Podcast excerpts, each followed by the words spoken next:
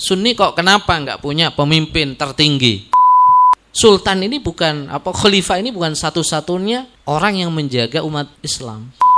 Ketika Khomeini itu melakukan revolusi Iran tahun 1979, aktivis Hizbut Tahrir di Lebanon itu datang menemui Khomeini, menawarkan kerjasama di situ. Artinya di tangan Ali Khamenei ini tradisi itu dikemas agak moderat. Karena Ali Khamenei ini progresif pemikirannya. Sunni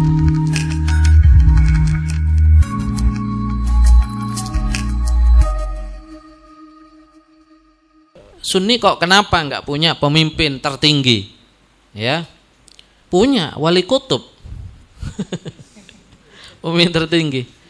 Jadi eh, dalam pemikiran Islam, ya khususnya alusun wal jamaah, itu memang eh, tidak menempatkan aspek politik itu sebagai aspek yang urgen ya besar dan paling tinggi tidak. Ya, kita bisa baca dari apa kitabnya Imam Ghazali pendapatnya Imam Ghazali bagaimana tentang siasa itu politik itu khususnya politik praktis ya. Memang tradisi sunni itu tradisi alusunnah itu murni tradisi ilmu. Pemimpin tertinggi ya para ulama itu para ulama-ulama kita dan adapun para aulia itu ada pemimpinnya.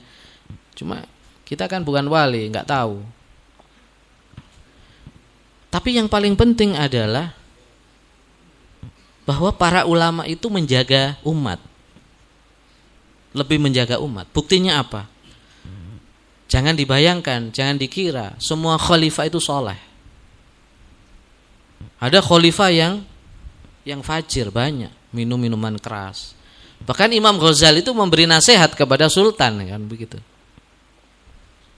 Mereka khalifah, ya, mulai dari Bani Umayyahnya, dari Abbasiyahnya, dari Turki Utsmaniyahnya juga demikian. Itu biasanya orang-orang barat banyak menulis profil-profil biografi sultan-sultan Turki Utsmani yang di situ dijelek-jelekan.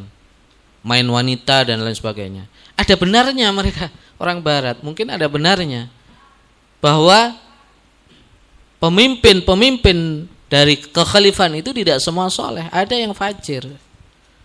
Ya, ada di antara mereka yang fajir. Oleh sebab itu, sultan ini bukan apa khalifah ini bukan satu-satunya orang yang menjaga umat Islam. Para ulama justru yang menjaga kondisi umat Islam, menjaga ilmunya, menjaga akidahnya. Itu yang menjaga, menjaga apa? Di saat perang salib ya, Kan itu e, kemudian ada serangan dari bangsa Tartar. Itu kan ujian yang luar biasa. Jutaan umat Islam dari kalangan laki-laki. Bahkan ada penelitian jurnal itu jumlah laki-laki berkurang 40% di tahun di masa itu. 40% laki-laki itu habis ya pasca perang salib dan e, serangan bangsa Tartar. di masa-masa selama ada perang salib, selama ada serangan bangsa Tartar, lihat muncul ulama-ulama itu. Coba baca profil manakib para ulama-ulama itu. Ada di antara mereka yang lahir ketika ada bangsa Tartar menyerang Baghdad. Ada yang sampai ter, hidup di pengungsian, mereka belajar. Ada ketika sedang berkecamuk perang salib. Di sana perang, di sini mereka mondok belajar. Mereka jadi ulama. Artinya masih terjaga. Keadaan umat baik dari akhlak, akidah, pemikiran itu terjaga. Oleh siapa? Oleh para ulama. Madrasah-madrasah adanya madrasah-madrasah ini itulah yang menjaga sebetulnya. Jadi tidak semata-mata tergantung dari pemimpin politik. Ya, kalau pemimpin politik bagus itu menjaga. Tapi ketika pemimpin politik tidak bagus, maka akan bisa merusak, justru akan merusak maka kepemimpinan politik bukan sesuatu yang begitu istimewa, begitu urgen. Politik penting, tapi bukan satu-satunya yang paling penting. Tidak sama dengan Hizbut Tahrir. Kalau Hizbut Tahrir apa-apa semua khilafah solusinya. Kenaikan harga BBM solusinya satu, khilafah. Apa hubungannya harga BBM dengan khilafah gitu? ya ada bencana alam, hujan, Solusinya satu, khilafah. Lo ada yang ngomong begitu. Artinya kalau Hizbut Tahrir ini menjadikan kepemimpinan politik itu sebagai satu-satunya sesuatu yang sangat urgent yang menjaga umat. Ya. Padahal sebetulnya ulama kita yang menjaga. Dan itu terjadi di negara Indonesia juga demikian. Bagaimana ujian-ujian yang dialami umat Islam Indonesia. 300 tahun, 350 tahun Indonesia dijajah Belanda. Kristen Protestan Belanda. Tapi kita tidak menjadi Kristen dan kita tidak berbahasa Belanda kita tetap muslim dan bisa berbahasa Arab. Kenapa? Ada pondok pesantren, ada madrasah, ada ulama. Kita nggak punya pemerintahan loh. Ketika Indonesia merdeka, Indonesia uh, Indonesia dipimpin Presiden Soekarno, sosialis. Ya. ya. Itu juga banyak cobaan umat Islam. Ya. Setelah Soekarno Soeharto itu juga banyak cobaan-cobaan eh, apa umat Islam. Tapi umat Islam masih terjaga, masih terjaga. Oleh karena itu insya Allah meskipun zaman Jokowi Jokowi lagi nanti umat Islam masih terjaga. Sidogiri makin besar kok. Jangan khawatir, siapa pun presidennya Sidogiri makin besar. jadi jadi kadang-kadang ada faktor pentingnya, ada faktor tentu kita bukan mengabaikan politik ya, faktor politik itu penting. Ya, bagian uh, politik dengan agama itu saudara kembar, tidak bisa dipisahkan. Tetapi itu bukan satu-satunya. Ya. Inilah sistem ber, uh, sistem uh, dalam Islam tradisi dalam Islam demikian. Kalau ada khalifah yang seperti khulafa Rasyidin atau Paling tidak seperti Umar bin Abdul Aziz ya ideal, tapi kan susah gitu. Bagaimana melahirkan Umar bin Abdul Aziz di zaman modern? Susah. Ya, ya susah, itu tidak mudah. Itu ideal kalau kita bicara ideal seperti itu. Nah, kalau tidak bicara ideal, maka para ulama sebetulnya yang tetap menjaga. Artinya jangan khawatir. Tidak ada kepemimpinan politik Bagaimana dengan Syiah? Syiah itu menjadikan Syiah itu mirip dengan Hizbut Tahrir. Kalau Hizbut Tahrir isunya khalifah, kekhalifahan, khilafah. Kalau Syiah imamiyah, keimamahan. Makanya saya diskusi dengan teman Hizbut Tahrir juga. Ketika Khomeini itu melakukan revolusi Iran tahun 1979, aktivis Hizbut Tahrir di Lebanon itu datang menemui Khomeini menawarkan kerjasama di situ untuk mendirikan negara Islam. Waktu itu aktivis Hizbut Tahrir Lebanon mengusulkan kepada Khomeini, Iran ini jangan republik. Kalau republik bau-bau demokrasi. Kan uh, Iran itu kan republik Islam Iran kan gitu. Hizbut Tahrir mengusulkan jangan republik, mengusulkan kekhalifahan Islam Iran. Tapi ditolak oleh Khomeini. Usulan Hizbut Tahrir ditolak. Artinya di situ ada titik temu. Karena pemikirannya ada pertemuan yaitu sama-sama menjadikan kepemimpinan politik sebagai satu-satunya yang sangat sentral dalam e, membina umat Islam ini. E, jadi jangan khawatir ndak ada apa seperti itu. Nah, Iran sekarang udah nggak seperti zaman tahun 80 90 di Iran pun ya di Iran sekarang sekularisasi itu luar biasa masif sekali. Liberalisasi sekularisasi itu masif. Pemuda-pemuda Iran itu di dalamnya Syiah. Ya apa apa bajunya Syiah tapi dalamnya sudah sekuler dan liberal. Luar biasa. Karena apa? Banyak pemuda-pemuda lulusan Eropa lulusan Prancis khususnya itu banyak lulusan Amerika. Itu pulang membawa pemikiran-pemikiran baru dan melakukan pembaruan-pembaruan dan mengkritik para uh, ulama-ulama molah-molahnya itu dikritik dan sekarang. Dan saya dapat cerita ada saya teman kuliah pernah dulu kuliah S2 dia dia ambil di Iran gitu ya ambil di Iran. Dia punya kawan Iran apa teman-teman orang Iran. Jadi benar itu tahun 2000-an, eh, tahun 2000 2012-an, 2012. Jadi cewek-cewek Iran. Nah, ini. Itu kan cantik-cantik ya. Jadi Iran itu cantik-cantik, ganteng-ganteng, cantik-cantik. Itu bangsa Arya memang. Bangsa Arya ini ras yang apa ya? Seperti orang Jerman. Ya. Jerman ini termasuk ras Arya. Jadi orang eh, Afghanistan, Iran itu wanitanya cantik-cantik dan temannya itu cantik-cantik. Kalau Iran itu kan pakainya tertutup, ya kan? Tapi dia sering diajak main-main ke rumahnya. Ya kerja kelompok. Kerja kelompok mahasiswa. Main ke rumah. Ke cewek. Kalau di rumah sudah buka semua pakai celana pendek. Kayak bule sudah. Kayak bule sudah. Dan juga ketika pergi ke luar negeri, ya, main-main ke Azerbaijan. Azerbaijan banyak Syiah, tapi tidak seperti Iran. Azerbaijan banyak komunis. Ya Syiah komunis ya seperti itu. Pergi ke sana wisata. Begitu di bandara dibuka apa?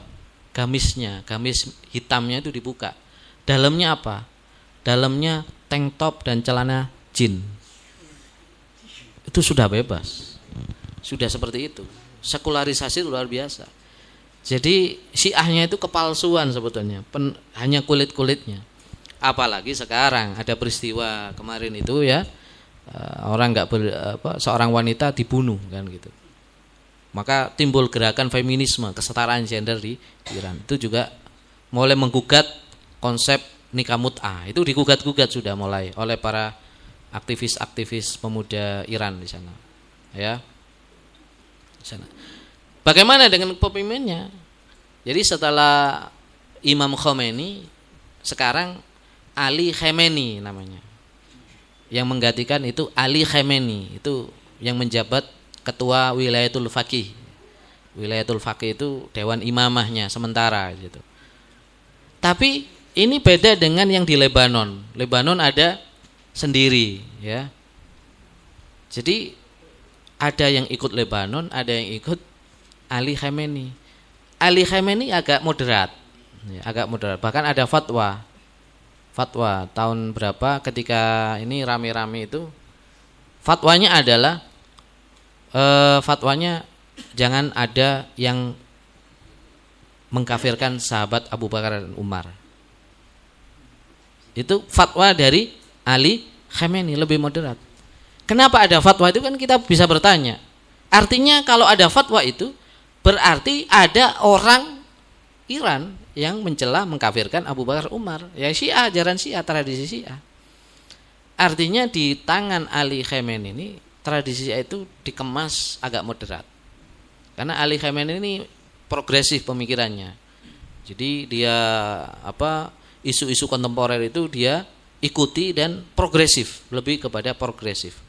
Tidak terlalu tradisionalis ya. Tidak terlalu tradisionalis. Sehingga Syiah pun paling berkiblat kepada Iran gitu aja.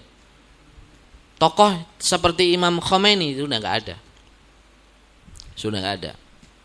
Paus itu kan hanya Katolik, Protestan, anti, anti kepausan. Jadi nggak ada kepausan dalam Protestan. Belanda yang menjajah Indonesia itu adalah Protestan. Katolik pusatnya di Roma itu di Vatikan. Vatikan itu Vatikan itu seperti Ka'bahnya orang eh, apa Katolik lah. Nah, orang Belanda kemudian orang Inggris juga Protestan. Itu tidak mau ngikut Vatikan. Jadi fatwa-fatwa dari Vatikan tidak ada yang diikuti. Bahkan kalau kita baca apa kristologi sebetulnya, kalau kita baca kristologi ilmu tentang kekristenan itu, pandangan Katolik eh, terhadap Protestan itu seperti pandangan Sunni terhadap Syiah. Alul bid'ah dianggap alul bid'ah. Karena Protestan ini lebih progresif, tapi juga ada yang ekstrim seperti di Irlandia Utara. Itu kan Irlandia Utara sama Irlandia itu kan perang. Perang apa? Perang agama. Jadi orang Irlandia yang ber, uh, yang Kristennya itu Protestan tapi ekstrim, ada juga yang ekstrim. Meskipun asalnya itu progresif. Progresif itu agak-agak bau-bau liberal lah, nyerempet-nyerempet ke liberal gitu. Tapi garis keras, ya, garis keras itu Irlandia. Amerika itu dominan apa? Protestan. Katolik ada banyak sana Katolik, tapi yang dominan adalah Protestan karena sebetulnya orang Amerika itu orang Inggris. Disebut Inggris Anglo-Saxon, ya. Jadi yang Katolik ini kayak Portugis, Portugal, kayak Spanyol, itu fanatik memang. Ya, fanatik fanatik, kerajaan-kerajaan yang fanatik. Kemudian Prancis, Jerman itu separuh-separuh. Dan ingat, Kristen itu tidak hanya dua. Kristen itu puluhan pecahannya. Apalagi kalau sudah di Indonesia ada gereja Jawi Wetan. Ya kan? Ini produk lokal. Produk lokal. Dan ini produk Jombang ini. Saya datang ke Jombang itu e, ke gereja ini ya, gereja Jawi Wetan. Itu aliran, gereja Jawi Wetan itu aliran aliran. Saya datang ke sana. Itu memang sejak zaman penjajahan Belanda asalnya Katolik, eh, asalnya Protestan. Tapi mereka ini Protestan tapi dikemas agak kejawen gitu ya. Jadi bertemu dengan kejawen. Jadi makin liberal itu. Makin liberal. Dan gereja gereja Jawi Wetan itu juga anti terhadap paus. Anti terhadap paus. Meskipun Injilnya sama. Injilnya sama. Mereka anti kepausan. Ya, ada beberapa di antara mereka ini yang Natalnya itu bukan tanggal 25 Desember. Rusia misalnya, itu tanggal itu bulan Januari. Rusia ini Kristen Ortodok mayoritas. Penduduk Rusia kan banyak. Itu besar sekali. Ortodok itu banyak. Rusia, kemudian e, Kroasia Ortodok, Serbia itu apa Eropa Timur itu ortodok. Kebanyakan ortodok. Dan ingat ya apa Bizantium Timur itu ortodok. Besar kan? Jadi ini ortodok juga besar sekarang. Itu tidak merayakan Natal pada tanggal 25 Desember. Tapi bulan Januari saya lupa tanggalnya 7 Januari atau apa gitu. Lihat aja nanti ada peringatan Natal di di Rusia. Ada Natal lagi. Itu bukan apa pengulangan ya bukan tapi itu memang ritualnya beda. Jadi kalau bicara kristologi banyak pecahannya, tidak hanya paus. Paus itu kan eh, sistem apa sentralitas dalam Katolik saja. Lainnya nggak ada sentralitas, nggak ada. Ya mungkin Katolik ini kayak Hizbut Tahrirnya ya. Ya, karena Vatikan ini kerajaan ya eh, apa ya kerajaan, tapi juga kepausan. Ini unik ya. Kepala negaranya itu seorang paus. Nah, kepala negaranya seorang paus. Kepala negara, kepala pemerintahnya perdana menteri. Ya, perdana menteri. Ini kan sama dengan Hizbut Tahrir ya. Yang diangkat itu. Jadi eh, jangan dikira itu dalam Kristen itu hanya paus, hanya Katolik. Itu pecahan banyak sekali. Makanya kenapa orang Kristen ada orang Kristen bikin gereja? Karena mereka nggak mau masuk gereja yang lain, aliran yang lain. Kan sering itu diizin. Oh, cuma dua orang kok bikin gereja, gabung aja gereja. Mereka nggak mau gabung sebab akidahnya berbeda.